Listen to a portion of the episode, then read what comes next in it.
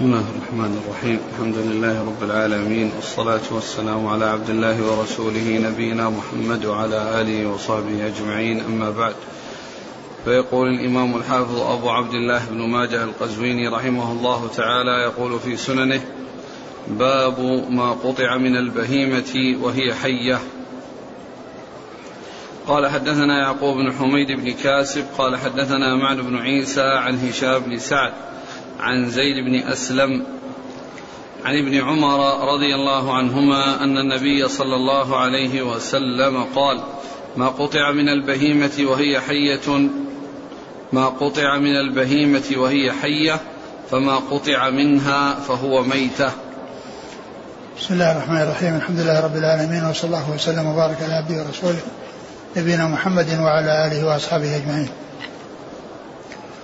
يقول الإمام ماجه رحمه الله ما باب ما قطع من البهيمة وهي حية أي ما حكمه وجاء الحديث أورد الحديث عن ابن عمر أن أنها تكون أن هذا الذي قطع منها فهو بمثابة الميتة لأنه قطع من حي فهذا المقطوع من حي هو يعتبر في حكم الميتة بأنه لا يجوز أكله.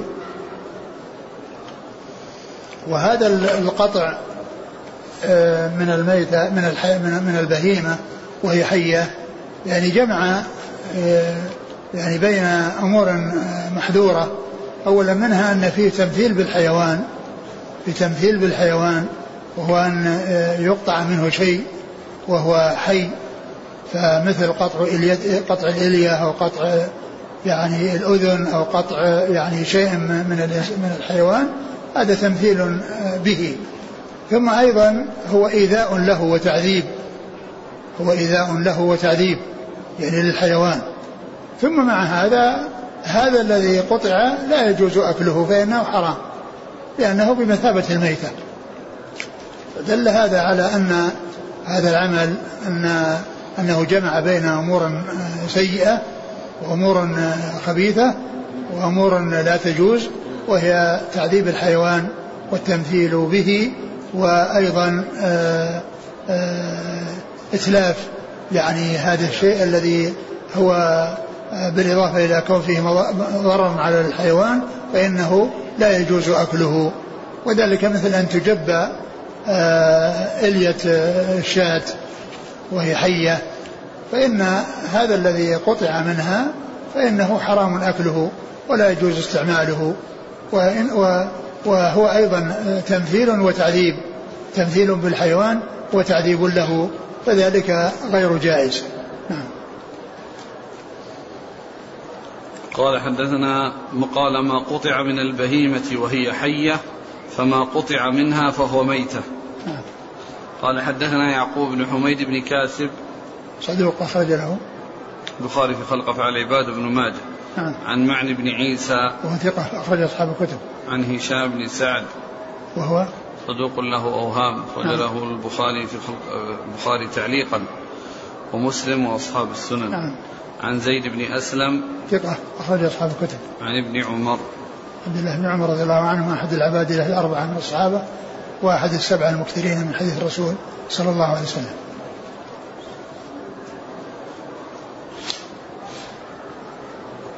قال حدثنا هشام بن عمار قال حدثنا إسماعيل بن عياش قال حدثنا أبو بكر الهذلي عن شاهر بن حوشب عن تميم الداري رضي الله عنه أنه قال قال رسول الله صلى الله عليه وسلم يكون في آخر الزمان قوم يجبون أسنمة الإبل ويقطعون أذناب الغنم فما قطع من حي فهو ميت. ثم ذكر هذا الحديث عن تميم الداري رضي الله عنه وهو مثل الحديث السابق في ما يتعلق بكون ما قطع من الحي البهيمة وهي حية فهو ميت. وأما القصة التي وجد ذكرت وهو أنه يكون في آخر الزمان فإنها جاءت في هذا الحديث الذي هو ضعيف جدا لأن فيه من هو متروك. ف وأما ما يتعلق بما أبين من حي فهو ميت فإنه مطابق للحديث السابق. نعم. قال حدثنا هشام بن عمار. صدوق خرجه البخاري وأصحاب السنن. عن إسماعيل بن عياش. وهو صدوق في روايته عن الشاميين. أخرج له. خالد رفع اليدين وأصحاب السنن. نعم. عن أبي بكر الهذلي. وهو متروك أخرج له. ابن ماجه نعم. عن شهر بن حوشب. وهو ضعيف وهو صدوق كثير. الإرسال والأوهام. نعم. خرج البخاري في المفرد ومسلم وأصحاب السنن. نعم. عن تميم الداري. رضي الله عنه أخرجه البخاري تعليقا ومسلم. ومسلم وأصحاب السنن.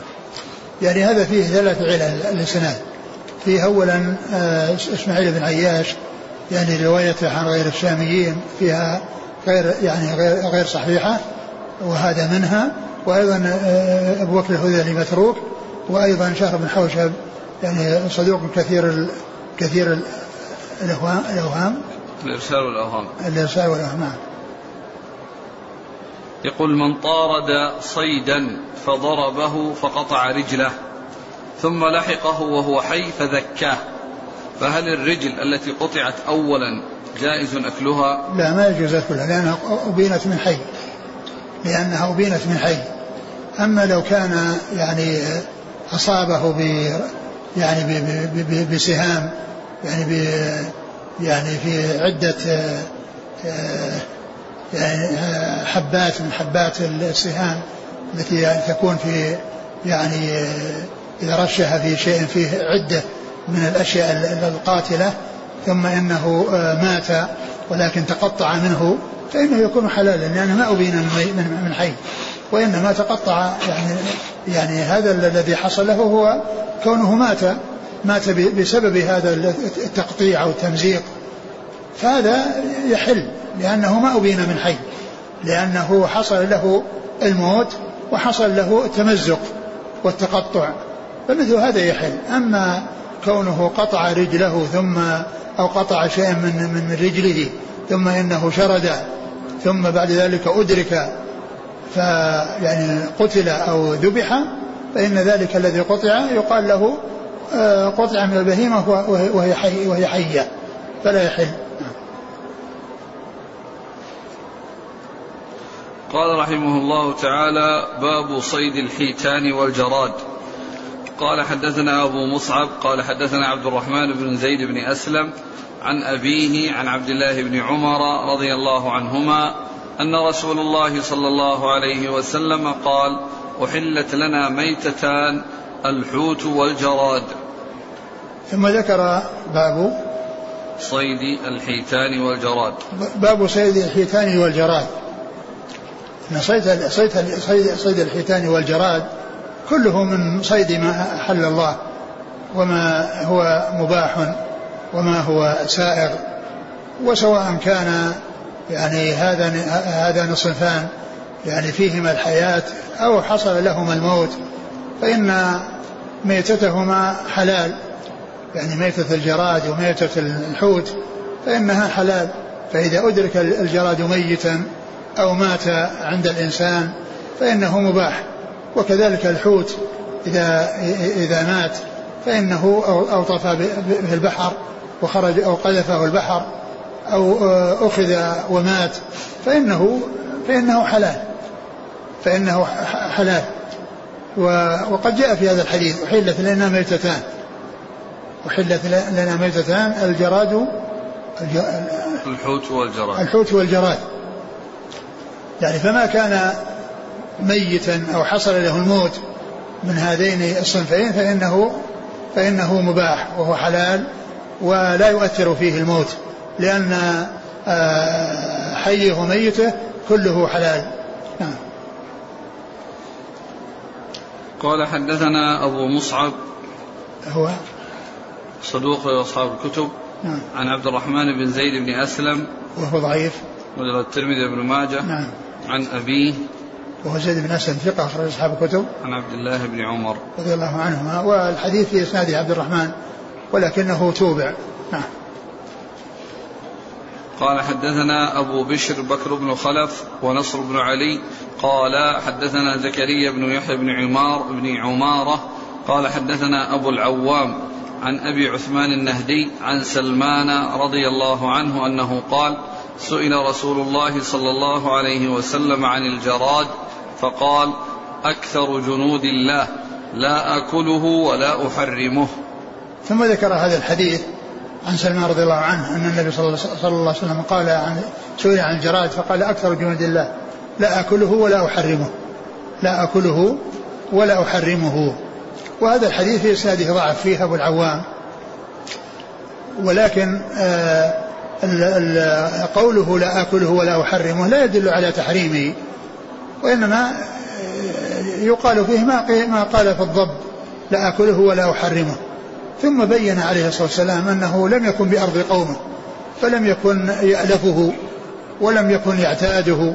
ومن المعلوم أن من الناس من آه، لا يألف أو آه، يعني أكل آه، بعض ما حل الله. يعني بعض النفوس ما تقبل يعني بعض الأشياء التي أحلها الله عز وجل لكونها ألفت أو تعودت على أنها ما استعملت يعني هذا الشيء. مثل ما قال الرسول صلى الله عليه وسلم في الضب إنه لم يكن بأرض قومي فأجدني أعافه. وهو مما أحله الله وقد أكل بين يديه صلى الله عليه وسلم. فإذا هذا الحديث قوله لا أحله ولا أحرمه يعني لا يدل على تحريمه. وقد جاءت الأحاديث آه، في حله وإباحته من الحديث المتقدم ومنها الحديث الذي في في آه، في الصحيحين أو في أحدهما. عن جابر قال غزونا مع رسول الله صلى الله عليه وسلم سبع غزوات ناكل الجراد. نعم. قال حدثنا أبو بشر بكر بن خلف هو صدوق للبخاري تعليقا وأبو داود بن ماجه نعم. ونصر بن علي الجهضمي ثقة. أخرج أصحاب الكتب وهو شيخ لأصحاب الكتب؟ عن زكريا بن يحيى بن عمارة وهو صدوق يخطئ أخرج البخاري المفرد وأبو داود والنسائي بن ماجه. نعم. عن أبي العوام وهو مقبول أخرج أبو داود والنسائي بن ماجه. نعم. عن أبي عثمان النهدي. وهو ثقة أخرج له. أصحاب الكتب. نعم. عن سلمان. رضي الله عنه أخرج أصحاب الكتب.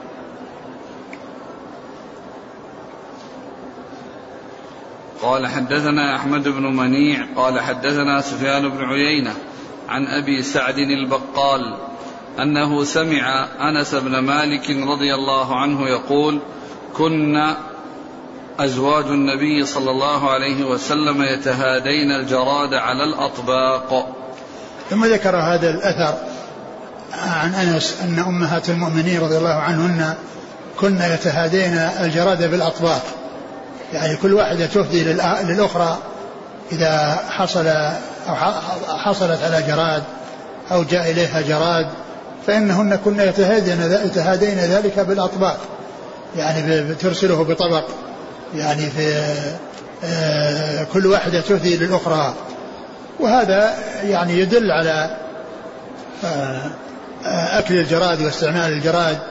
والحديث في إسناده ضعف ولكن آه، أكل الجراد ثابت وإباحته ثابتة في الأحاديث التي منها ما تقدم ومنها ما ذكرته من حديث جابر أنهم كانوا غزوا مع النبي صلى الله عليه وسلم سبع غزوات يأكلون الجراد. قال حدثنا أحمد بن منيع ثقة أخرج أصحاب الكتب. عن سفيان بن عيينة ثقة أخرج أصحاب الكتب. عن أبي سعد البقال وهو؟ ضعيف أخرج البخاري المفرد والترمذي وابن ماجه. نعم. عن أنس بن مالك. رضي الله عنه وهو خادم الرسول عليه الصلاة والسلام وأحد السبع المكثرين من حديثه. وفي بعض النسخ ليس فيه ذكر أحمد بن منيع وسفيان بن عيينة وإنما فيه أعلاه. فيه أبو سعد البقال وفيه أنس والحديث موجود في تحفة الأشراف. يعني هذا الإسناد ذكر أحمد بن منيع وسفيان بن عيينة في تحفة الأشراف. ذكره المزي في تحفة الأشراف. نعم.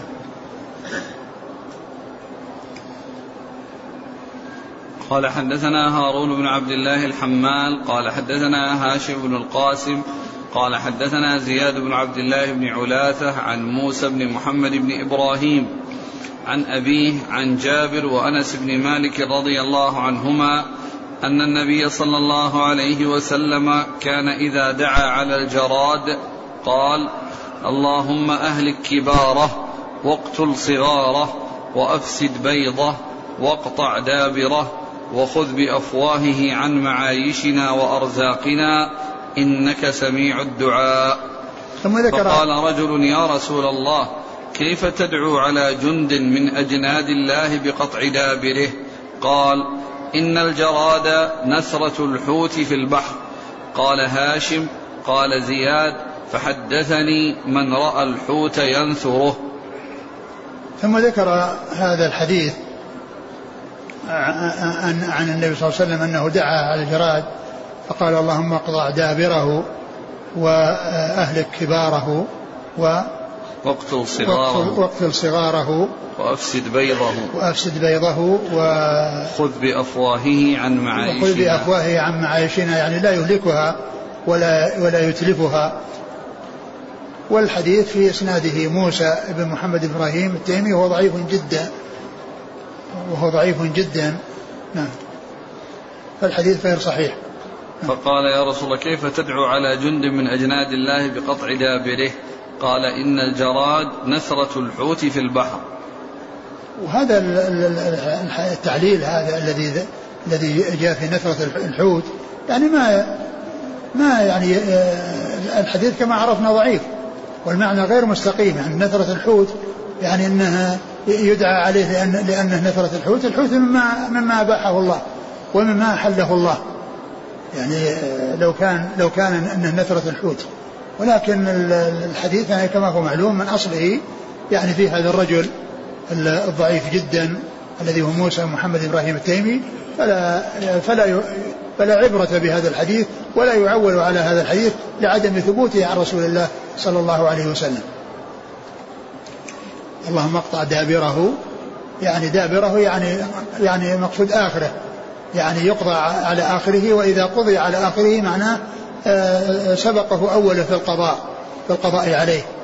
وأهلك كباره التي آه، يحصل منها يعني ال ال هذه الفروع التي هي صغارة والتي آه، يعني تكون مؤذية يعني اللي هي الصغار يعني التي هي أولاد الجراد.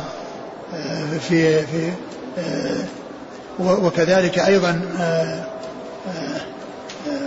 آه، وخذ بأفواهه.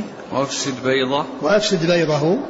يعني هذا الذي يكون في الجرادة التي يكون فيها مجموعة كبيرة تغرس إذا تغرسها في الأرض ثم بعد ذلك تخرج وقد خلا يعني هذا الكيس الذي فيه هذا النوع الكثير من آه، من بيضها.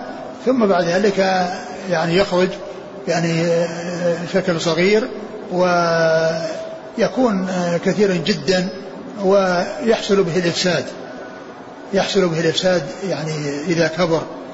ولهذا كانوا يعملون على التخلص منه وهو صغير بأن يشقوا يعني في الأرض. شقا عميق لا يقدر أن يتجاوزه ثم يسوقونه وينزل في هذه الحفرة ثم يردمونها عليه. نعم. قال حدثنا هارون بن عبد الله الحمال. ثقة أخرجه البخاري آه، مسلم وأصحاب السنة. عن هاشم بن القاسم. وهو ثقة أخرج له. أصحاب الكتب. نعم. عن زياد بن عبد الله بن علاثة. وهو وثقه ابن معين أخرجه نعم. الترمذي وابن ماجه. نعم. عن موسى بن محمد بن إبراهيم. وهو منكر الحديث. وله الترمذي وابن ماجه. نعم. عن أبيه زيد بن أسلم ثقة. محمد, محمد بن إبراهيم التيمي ثقة. أخرج أصحاب الكتب. عن جابر وأنس. جابر بن عبد الله وأنس رضي الله تعالى عنهما.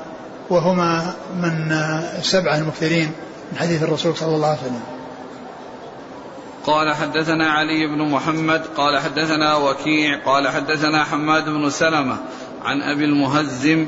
عن أبي هريرة رضي الله عنه أنه قال خرجنا مع النبي صلى الله عليه وعلى آله وسلم في حجة أو عمرة فاستقبلنا رجل من جراد أو ضرب من جراد فجعل فجعلنا رسول الله صلى الله عليه وسلم نضربهن بأسواطنا ونعالنا فقال النبي صلى الله عليه وسلم كلوه فإنه من صيد البحر. ثم ذكر هذا الحديث الضعيف الذي في إسناده أبو المهزم وهو ضعيف وأنهم كانوا خرجوا مع النبي صلى الله عليه وسلم في حجة أو عمرة وأنهم استقبلهم رجل من جراد يعني طائفة من جراد فكانوا يضربونه بعصيهم ونعالهم والنبي صلى الله عليه وسلم قال كلوه فإنه من صيد البحر آه، أكله ثابت كما عرفنا ولكن الحديث غير صحيح نعم.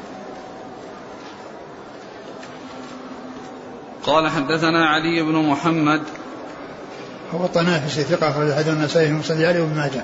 عن وكيع ثقة أخرج أصحاب الكتب. عن حماد بن سلمة ثقة أخرج البخاري تعليقا ومسلم وأصحاب السنة. عن أبي المهزم وهو ضعيف متروك متروك نعم. أبو داود الترمذي بن ماجه. نعم. عن أبي هريرة. نعم. أسئلة جاءت عن أكل الحلزون هل يقاس على الجراد؟ قال والحلزون من الحشرات الرخوية يخرج عندما ينزل المطر. لا أعرف عنه شيئا.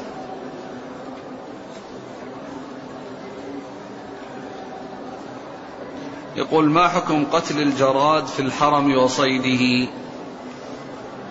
ما يجوز. لأن كل صيد في الحرم لا لا يجوز أن يصاد فيه صيد لا جراد ولا غير جراد. يقول هناك نوع من السمك له جناحان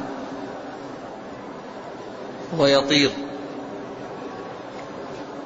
فهل يحتاج إلى تذكية؟ يعني يطير يعني يروح للبر؟ إذا كان يروح للبر ويعني يعيش في البر يحتاج إلى تذكية. وإن كان أنه يعني بس يقفز ثم يرجع للبحر فهو من من صيد البحر. قال رحمه الله تعالى باب ما ينهى عن قتله.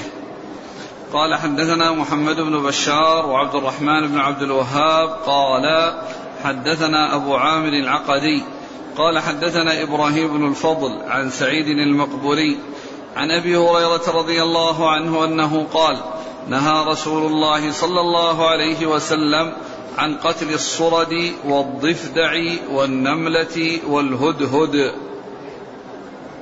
نعم.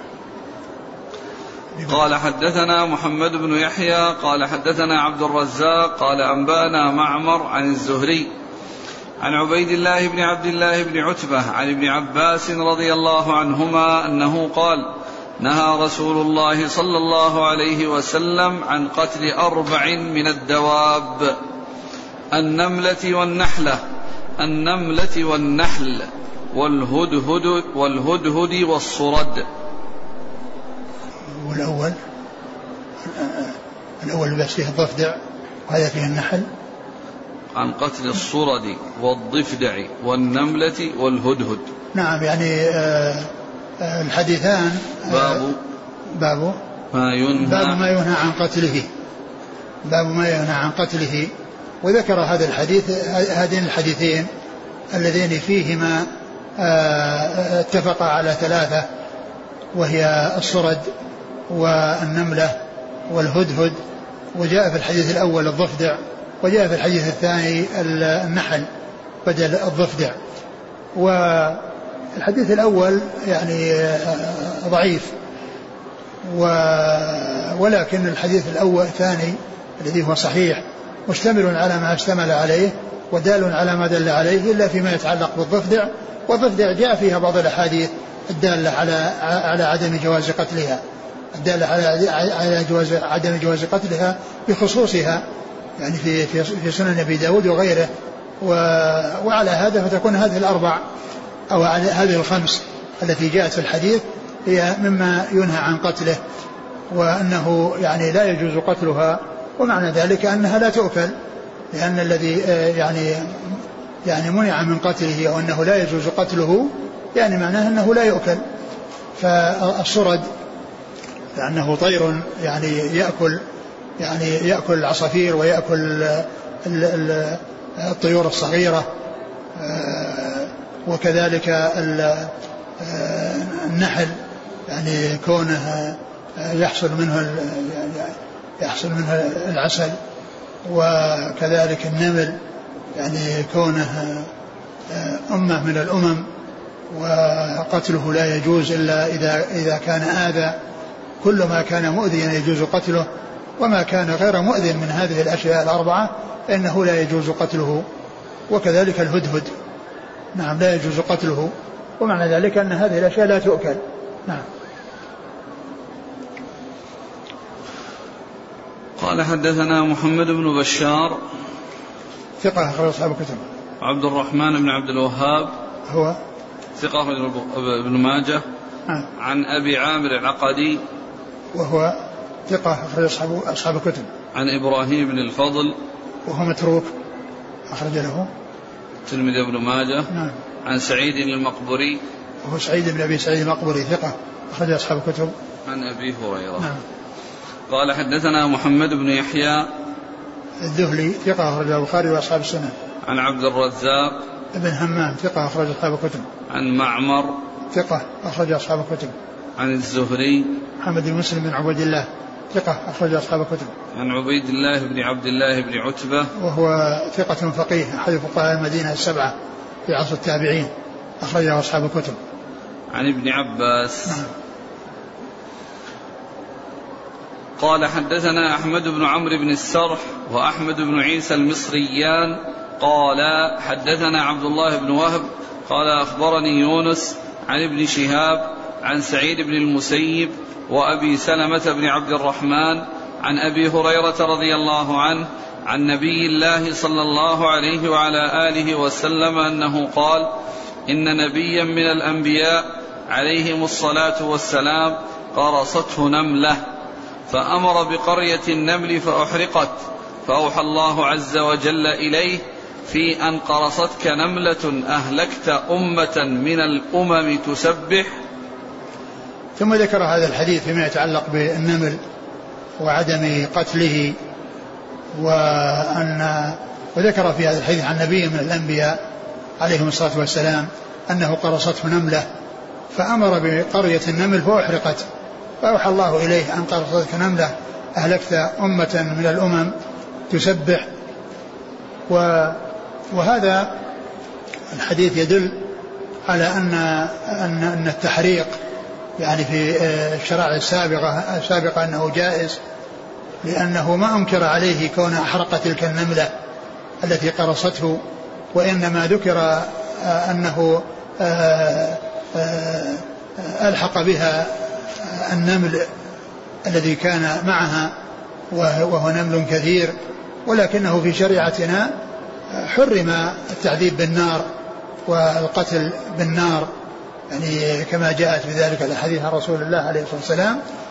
و وأما في شريعة ذلك النبي أو في في الشرع السابقه أو بعض الشرائع السابقة فإن ذلك يدل على أن القتل بالنار والتعذيب بالنار أن ذلك سائغ. ولكن لأنه ما أنكر عليه قتل تلك النملة وإحراقها وإنما أنكر عليه قتل غيرها معها. نعم. قال حدثنا أحمد بن عمرو بن السرح. هو المصري ثقة, ثقة حديث مسلم و أبو داود والنسائي بن ماجه. نعم. وأحمد بن عيسى المصري. وهو؟ صدوق خرج البخاري ومسلم والنسائي بن ماجه. نعم. عن عبد الله بن وهب. ثقة أخرج أصحاب الكتب. عن يونس. بن يزيد الأيلي ثقة أخرج أصحاب الكتب. عن ابن شهاب عن سعيد بن المسيب. سعيد المسيب ثقة فقيه. أحد فقهاء المدينة السبعة في عصر التابعين أخرج أصحاب الكتب. وأبي أبو سلمة بن عبد الرحمن بن عوف ثقة فقيه. وهو أحد فقهاء المدينة السبعة في عصر التابعين على أحد الأقوال الثلاثة في السابع منهم. وأخرج حديثه أصحاب الكتب الستة. قال حدثنا محمد بن يحيى قال حدثنا أبو صالح قال حدثني الليث عن يونس عن ابن شهاب بإسناده نحوه وقال قرصت نعم. قال حدثنا محمد بن يحيى عن أبي صالح. أبو صالح وعبد الله بن عبد الله بن صالح كاتب الليث وهو صدوق. كثير الغلط. نعم. هذا البخاري تعليقا وأبو داود الترمذي بن ماجه. نعم. عن الليث. ابن سعد ثقة أخرج أصحاب الكتب. عن يونس عن ابن شهاب. نعم. يقول إذا وجد النمل في المنزل فهل يجوز قتله؟ إذا آذى جاز قتله. إذا آذى وحصل منه الأذى يجوز قتله. هل النهي عن قتل هذه الدواب التي جاءت في أول الحديثين خمسة لأجل خصائص فيها كإنتاج النحل العسل وكون الهدهد؟ قد أرشد سليمان عليه الصلاة والسلام على أمة سبأ. أم أن سبب النهي غير معلوم؟ الله أعلم لكن الحديث كما هو معلوم جاء بالنهي ويعني آه، النهي عن قتلها يعني دال على أنها لا تؤكل وأنه لا يجوز أكلها. نعم. هل صح دعاء عند قرصة النملة؟ لا أعلم لا أعلم في ذلك شيئا. قال رحمه الله تعالى باب النهي عن الخذف. قال حدثنا أبو بكر بن أبي شيبة قال حدثنا إسماعيل بن علية عن أيوب عن سعيد بن جبير أن قريبا لعبد الله بن مغفل رضي الله عنه خذف فنهاه وقال إن النبي صلى الله عليه وسلم نهى عن الخذف وقال إنها لا تصيد صيدا ولا تنكأ عدوا ولكنها تكسر السن وتفقأ العين.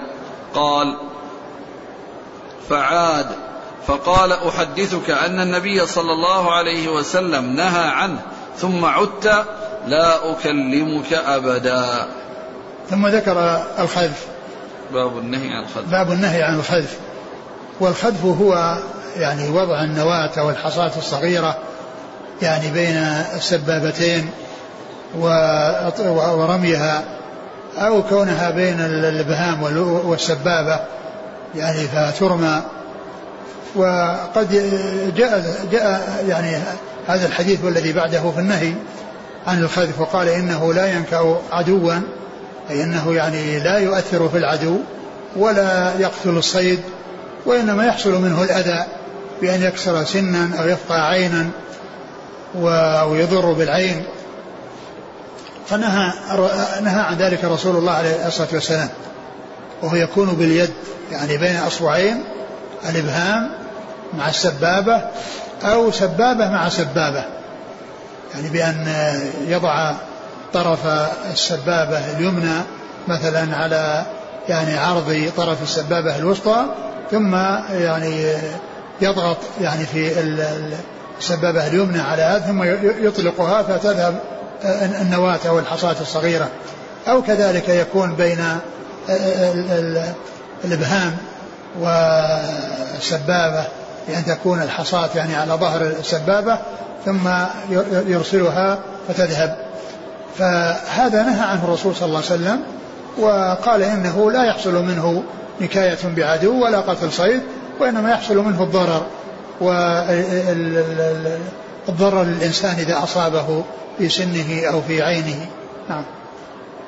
ثم إن ذكر حديث عبد الله بن المغفر رضي الله عنه أنه آه، أن قريبا له كان يخذف فنهاه وأخبره بحديث الرسول صلى الله عليه وسلم.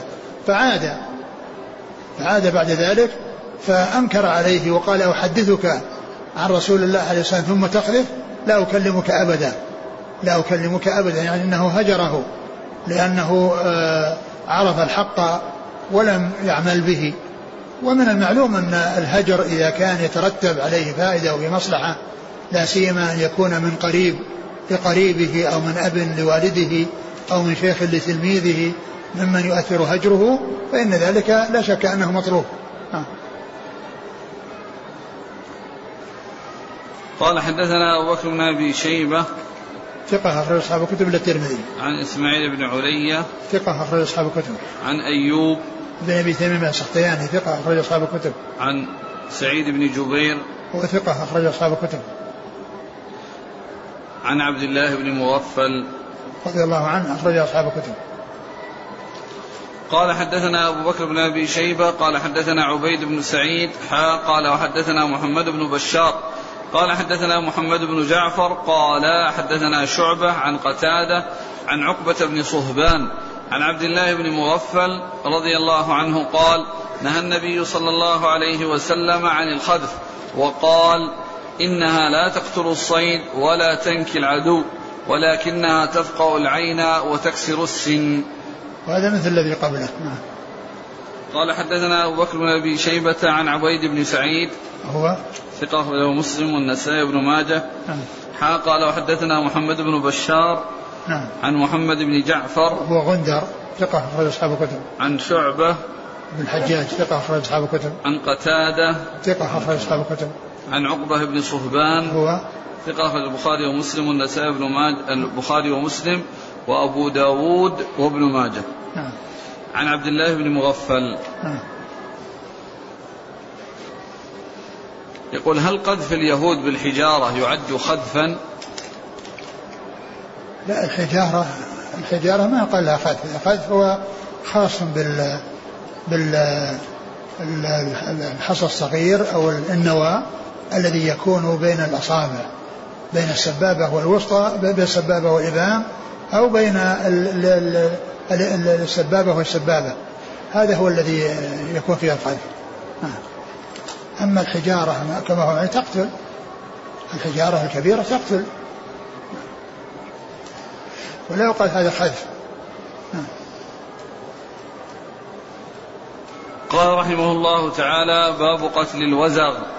قال حدثنا أبو بكر بن أبي شيبة قال حدثنا سفيان بن عيينة عن عبد الحميد بن جبير عن سعيد بن المسيب عن أم شريك رضي الله عنها أن النبي صلى الله عليه وسلم أمرها بقتل الأوزار ثم ذكر باب قتل الوزر والوزر هو دويبة صغيرة تكون في البيوت ويطلق الناس عليها الأبرص. وجاءت أحاديث عن رسول الله عليه السلام بالأمر بقتلها وفي الترغيب بقتلها وبيان الأجر العظيم والثواب لمن قتلها يعني من أول وهلة ثم من ثاني وهلة ثم بعد ذلك. فورد في ذلك أحاديث ذكر المصنف يعني جملة منها وذكر هذا الحديث عن أم شريك رضي الله عنها أن النبي صلى الله عليه وسلم أمر بقتل الأوزار. نعم. قال حدثنا أبو بكر بن أبي شيبة عن سفيان بن عيينة نعم. عن عبد الحميد بن جبير. هو؟ ثقة أخرج أصحاب الكتب. نعم. عن سعيد بن المسيب عن أم شريك. رضي الله عنها أخرج لها. أصحاب الكتب إلا أبا داود. نعم قال حدثنا محمد بن عبد الملك بن أبي الشوارب قال حدثنا عبد العزيز بن المختار قال حدثنا سهيل عن أبيه عن أبي هريرة رضي الله عنه عن رسول الله صلى الله عليه وسلم أنه قال من قتل وزغا في أول ضربة فله كذا وكذا حسنة ومن قتلها في الثانية فله كذا وكذا أدنى من الأولى ومن قتلها في الضربة الثالثة فله كذا وكذا حسنة أدنى من الذي ذكره في المرة الثانية.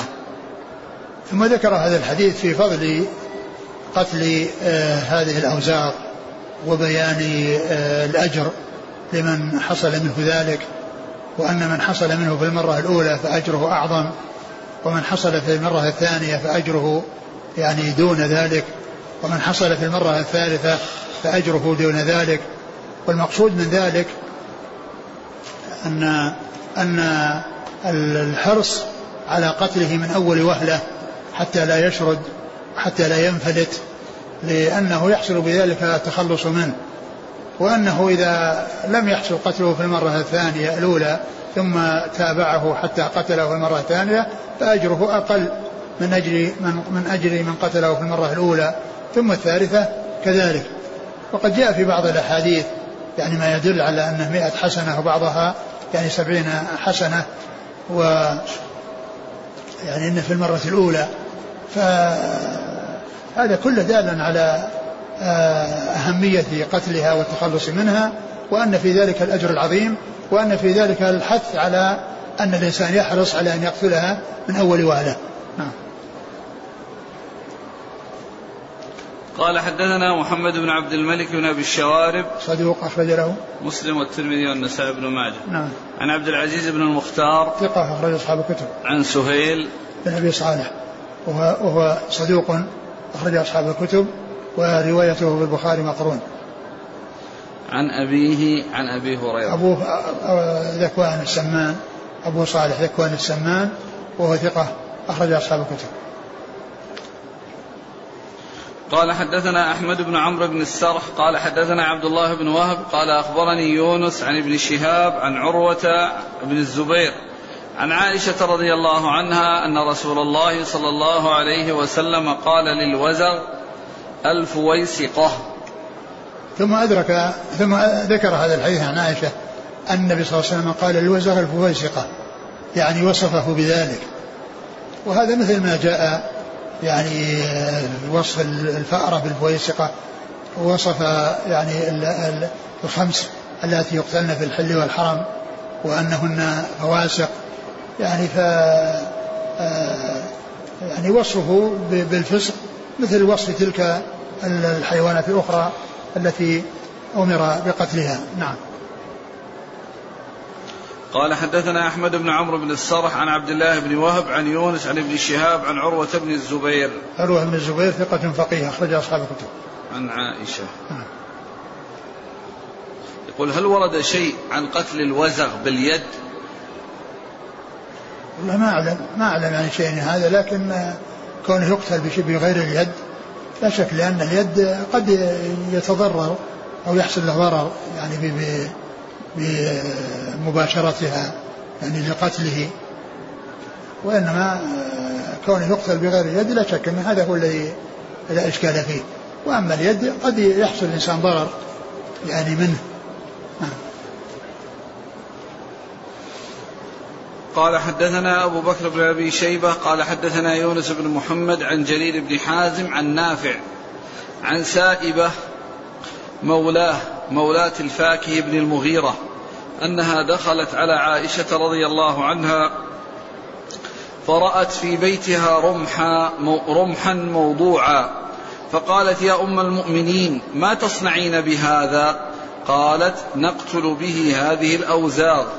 فإن نبي الله صلى الله عليه وسلم أخبرنا أن إبراهيم عليه الصلاة والسلام لما ألقي في النار لم تكن في الأرض دابة إلا أطفأت النار غير الوزغ فإنها كانت تنفخ عليه فأمر رسول الله صلى الله عليه وسلم بقتله. ثم ذكر هذا الحديث عن عائشة رضي الله عنها أن سائبة دخلت عليها وعندها رمح في بيتها فقالت لماذا هذا الرمح؟ قالت من أجل أنها تقتل به الأوزار تقتل به الأوزار ثم ذكرت أن عن النبي صلى الله عليه وسلم أن إبراهيم لما ألقي في النار كان كان الوزغ ينفخ يعني في النار ينفخ في النار وغيره من الحيوانات يطفئ في النار. وأما هو فكان ينفخ فيها. فأمر النبي صلى الله عليه وسلم بقتله. فأمر النبي صلى الله عليه وسلم بقتله. و وهو يدل على ما دلت عليه الأحاديث السابقة من قتل الاوزار وفي إسناده آه، آه، ضعف من جهة سائبة هذه التي هي مقبولة ولكنها من حيث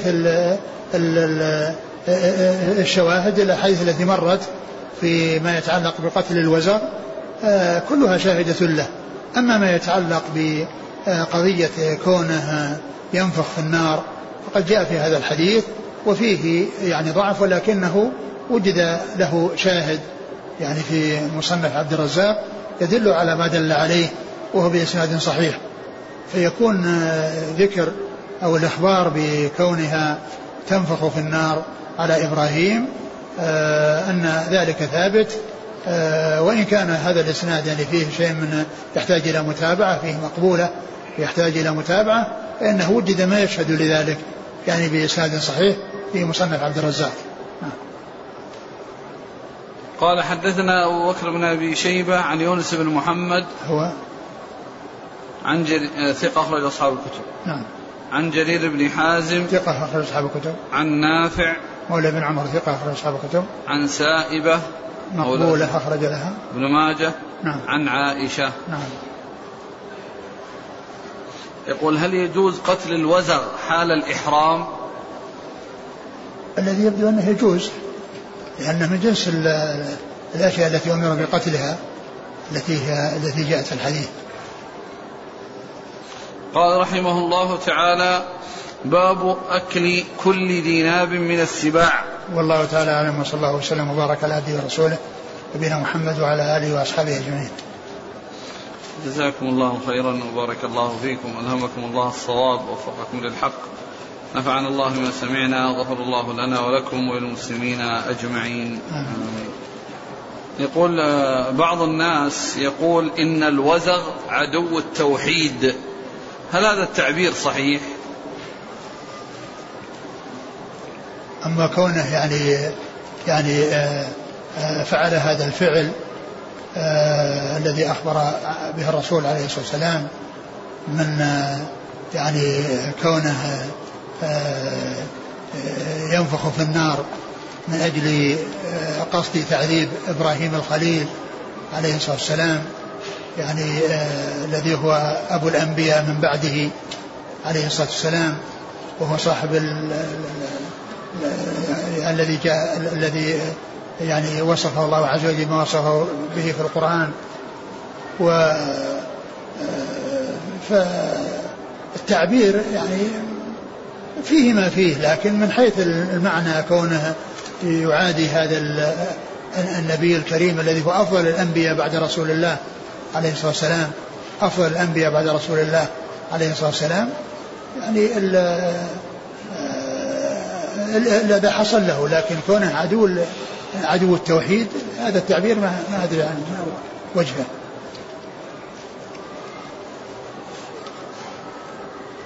يقول من المعلوم أن الوزغ غير مكلف وغير عاقل. فما وجه قتله بهذه العلة؟ كما هو معلوم الله عز وجل أعطى كل شيء خلقه ثم هدى. جعل يعني بعض الحيوانات عندها يعني من الصفات التي ركبها فيها. وعندها من يعني الإدراك. وعندها ما عندها مثل مثل ما مثل ما ما ذكر الله عز وجل عن سليمان وما حصل من تسخير الحيوانات له وأنها تقوم بتحقيق ما يريده مثل ما أرسل الهدهد بالكتاب مثل ما جاء في النملة وكلامها ومخاطبتها ل يعني النمل النمل الذي معها. فكونها اولا كونه مؤذي أقول هو هو كونه مؤذي وكونه أيضا في هذه الصفة التي كان ينفق على إبراهيم. ومعلوم أن كونه يعني يفعل هذا الفعل لا يقال إنه من غير إرادة منه بل آه، يحصل منه إرادة والحيوانات يحصل منها إرادة كما هو معلوم. والله عز وجل أخبر عن عن الهدهد حيث قال أصدقت أم كنت من الكاذبين.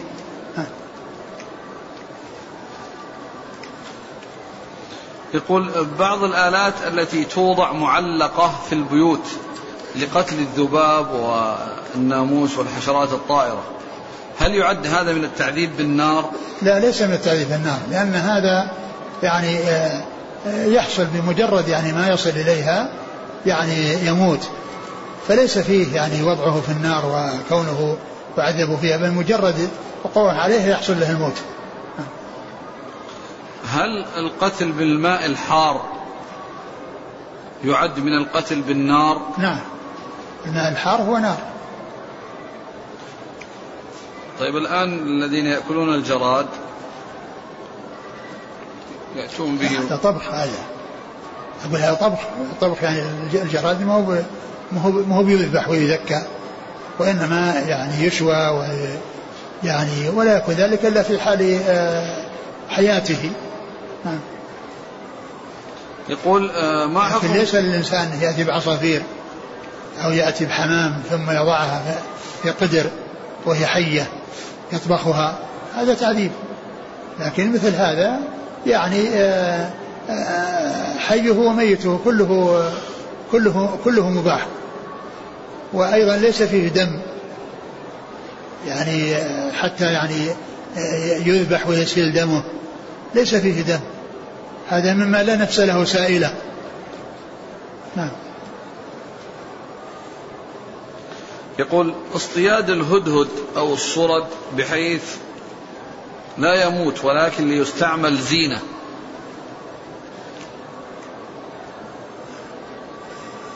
يعني يقتله؟ لا يصيد الهدهد ليحطه في قفص. والله زينة في البيت. وضع الوضع في الأقفاص هذا فيه يعني شيء من الأذى للحيوان. يعني الحبس يعني حبسها. لكن مع مع الإطعام ومع كونه آه، يغذيها يجوز ذلك لكن قد يحصل من الإنسان أن يسهو ويغفل ثم تتعذب بذلك والنبي صلى الله عليه وسلم أخبر عن عن المرأة التي حبست الهرة حتى ماتت لا هي أطعمتها وسقتها ولا هي تركتها تأكل من خشاش الأرض. لأن هؤلاء الذين يعملون يعني هذه الأشياء يعني في الأقفاص آه، إذا أحسنوا إليها وأعطوها ما تستحق قد يحصل لهم سلامة. لكن قد يحصل منهم نسيان وهذا يحصل ويتكرر. أن بعض الناس يغفلون عنه فيجدونه ميتا لأنهم ما أطعموه. يقول هل يجوز استعمال ما قطع من البهيمة في غير الأكل؟ هو ميتة. الميتة يعني كما أنها لا تستعمل الميتة يعني في علاج أو في آه، في دواء. فكذلك هذا من جنس من جنس الميتة. والميتة يعني لا يجوز بيعها ولا يجوز استعمالها. يقول ما حكم بيع الحمر الأهلية للكفار وهم يأكلونها؟ بيع الحمر الأهلية يعني كل من يشتريها تباع له. يعني سواء يعني أكلوها وما أكلوها. يعني كونهم يأكلون هذا شيء آخر. يعني هم طبعا الكفار مخاطبون في الشريعة على الصحيح ويؤاخذون على ترك الأصول وعلى ترك الفروع لكن يجوز بيع الحمر على كل من يشتريها. يقول في مدينتنا سيفتح مسجد ويقترح أن سيكون اسمه مسجد آمنة بنت وهب أم الرسول صلى الله عليه وسلم. فما هو توجيهكم ونصيحتكم؟ آه، التسمية إذا كان المقصود بها التمييز ف يعني لا بأس بذلك. يعني تمييز المساجد بأسمائها لا بأس بذلك. لكن كونها تسمى باسم آه، أم الرسول عليه الصلاة والسلام وأم الرسول صلى الله عليه وسلم ما أدركت الإسلام وما كانت آه، يعني آه، والرسول صلى الله عليه وسلم نهي عن الاستغفار لها والدعاء لها كما جاء ذلك في الحديث. الصحيح الثابت عن رسول الله عليه الصلاة والسلام فلا يصلح أن أن يضاف المسجد إليها لأنها ليست من أهل المساجد يقول إذا اشتريت سلعة ودفعت التكلفة بعملة اليورو ثم رد علي البائع الصرف الباقي بالريال هل فيه بأس؟ إيش؟ هذا السؤال؟ اشتريت العملة اشتريت سلعة ودفعت التكلفة بعملة اليورو بقي لي بقية فرد علي البائع الباقي بالريال. ما في بأس. ما في بأس بهذا لأن كونك يعني آه، الاستيفاء أو المقاضاة يعني بالشيء في الحال بسعر آخر بعملة أخرى لا بأس بذلك. مثل ما مر في الحديث الذي كانوا يبيعون الإبل يعني آه، ثم يعني يتقاضون يعني بالدراهم بالدنانير أو الدراهم الدنانير بالدراهم. ما ما في بأس. يقول هل يجوز بيع كلب الصيد؟ الكلاب لا يجوز بيعها الرسول صلى الله عليه وسلم قال ثمن الكلب خبيث. من احتاج إلى شيء استعمله ومن استغنى عنه يعطيه لغيره أو يتركه يرسله.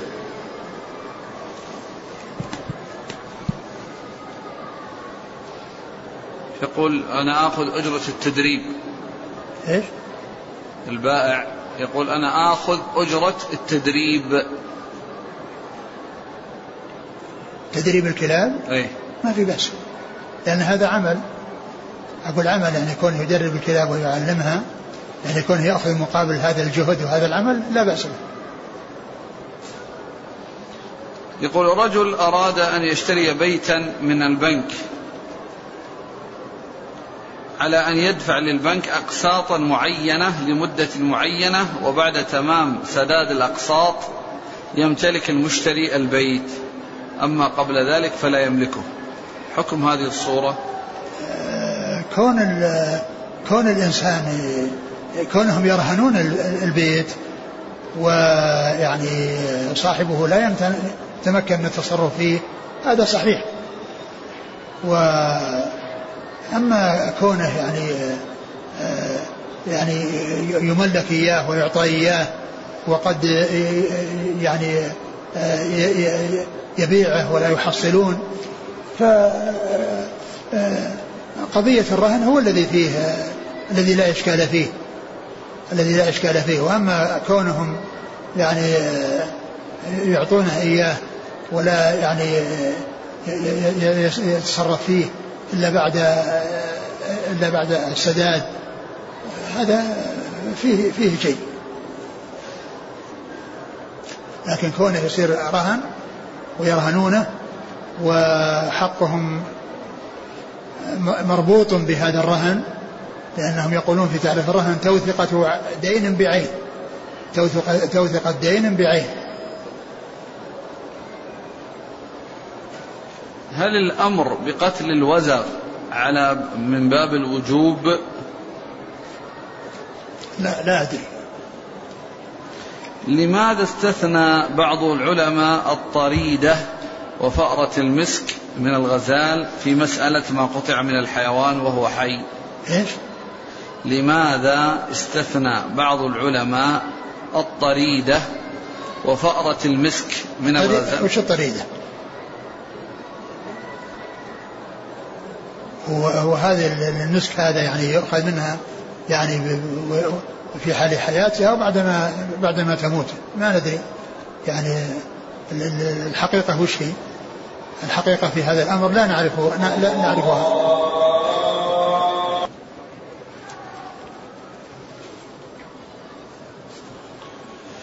يقول آه، الصراصير هل هي نجسة؟ فإذا أصابت الملابس هل يجب غسلها؟ هذا مما تعم به البلوى. هي لا شك أنها يعني قد تحصل لها يعني تمس النجاسات. يعني قد تمس النجاسات. لكن مما مما تعم به البلوى وإذا كان الإنسان يعني عرف أنها مرت بنجاسة لأن أحيانا تكون الأرض التي تمر بها طاهرة وتمشي بها طاهرة. لكن إذا كان عرف أنها يعني ظهرت من نجاسة أو أنها واتصلت بالثوب فإنه يغسل يقول إذا توحش الحيوان الأهلي فهل يلحق بالوحشي ويعطى حكمه؟ سبق أن مر بنا الحديث الذي فيه الذي ندى وقال لها لها أوابد كوابد الوحش. فما كان كذلك فافعلوا به هكذا.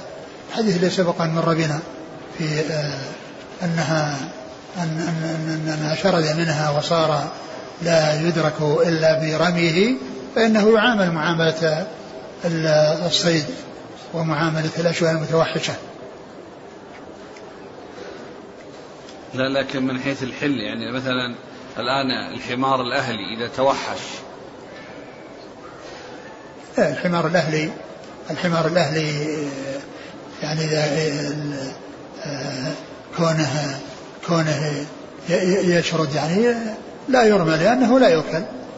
الحمار الحمار الأهلي ليس بحلال حتى أنه يرمى وإنما يترك حتى يحصل عليه لأن يعني ما يستفاد منه بالأكل ما يستفاد منه إلا بالركوب لا يستفاد منه إلا بالركوب. ولو أنه صار في البر وصار مع مع الأشياء المتوحشة لا يقال أنه يصير صيد الحمار الأهلي محرم سواء يعني صار في الفلاة أو صار في أو صار في في البلدان.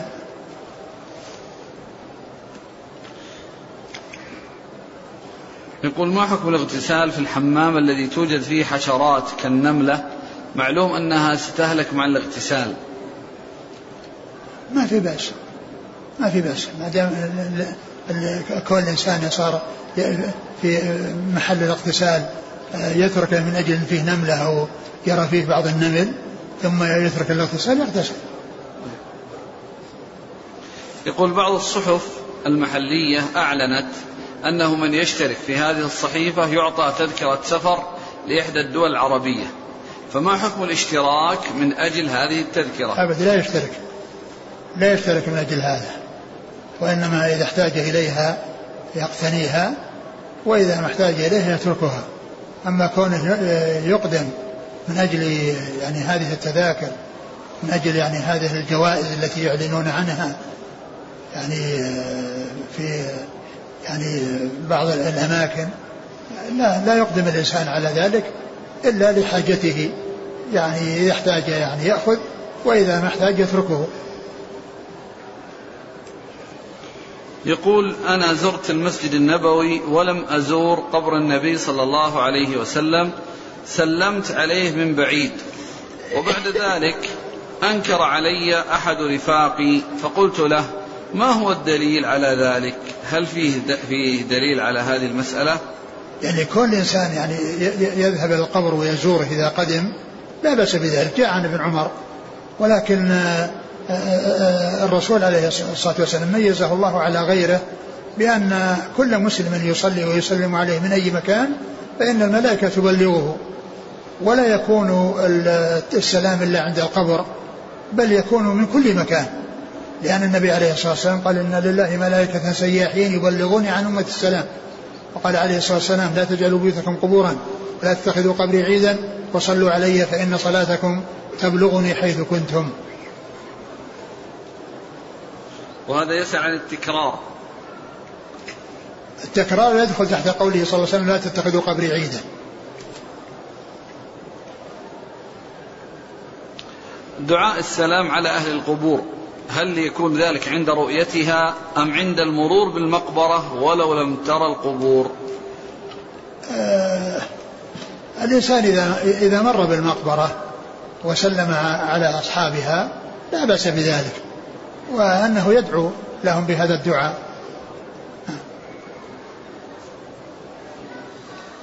لكن كون الإنسان يقصد الزيارة ويأتي بها قصدا يعني يفعل سنة سنها رسول الله عليه الصلاة والسلام. أما كونه يأتي عابر سبيل هكذا مار من غير قصد لا شك أنه في الدعاء فيه فائدة للأموات لكن كون الإنسان يحصل أجرا بفعله السنة وقصده إليه قصده إياها وذهابه إلى المقبرة ليتذكر الموت وليدعو لل, لل... للأموات وليفعل سنة سنها رسول الله عليه الصلاة والسلام وهي زيارة القبور هذا هو الذي ينبغي الإنسان وإن مر بالمقبرة وهو ما كان قاصدا ولكن دعا لأهلها لا بأس. يقول هل التكني سنة؟ والله الأمر في ذلك واسع. الأمر في ذلك واسع. إن تكنى يعني فله ذلك سواء كان يعني حتى لو لم يكن له ولد. لأن الحديث الذي فيه أبا عمير ما فعل النغير هو طفل صغير. هو طفل صغير ويقال له أبو عمير. والإنسان يتكنى في أو يكنى في حال صغره لا بأس بذلك. لكن يعني كما قلت الأمر في ذلك واسع. إن أتى به لا بأس وإن تركه لا بأس. يسأل عن صحة حديث قراءة سورة الكهف ليلة الجمعة أو يوم الجمعة ويكون له نور بينه وبين البيت العتيق. أه، أنا ما أتذكر يعني الحديث الذي فيه يعني بينه وبين لكن أذكر والذي أعلم أن أن أن قراءة سورة الكهف في يوم الجمعة أنها سنة قد جاءت عن رسول الله عليه الصلاة والسلام. يقول آه الآن كثر من يشترك مع إحدى شركات الاتصال كالموبايلي وزين وغيرها بنية الحصول على سيارة. فهل في هذا محذور؟ نعم في هذا محذور، الإنسان لا يدخل في في هذه المغامرات. في هذه الأشياء التي يعني فيها هي من قبيل القمار. يقول إذا نبه الزوج زوجته عن ملوحة الطعام مثلا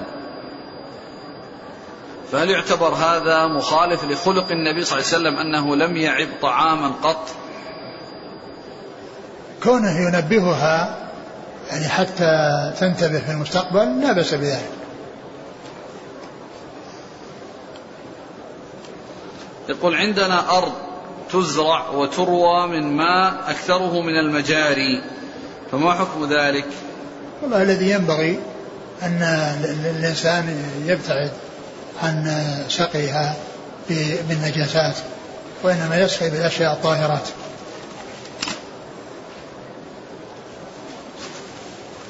جزاكم الله خيرا سبحانك اللهم وبحمدك أشهد أن لا إله إلا أنت أستغفرك وأتوب إليك.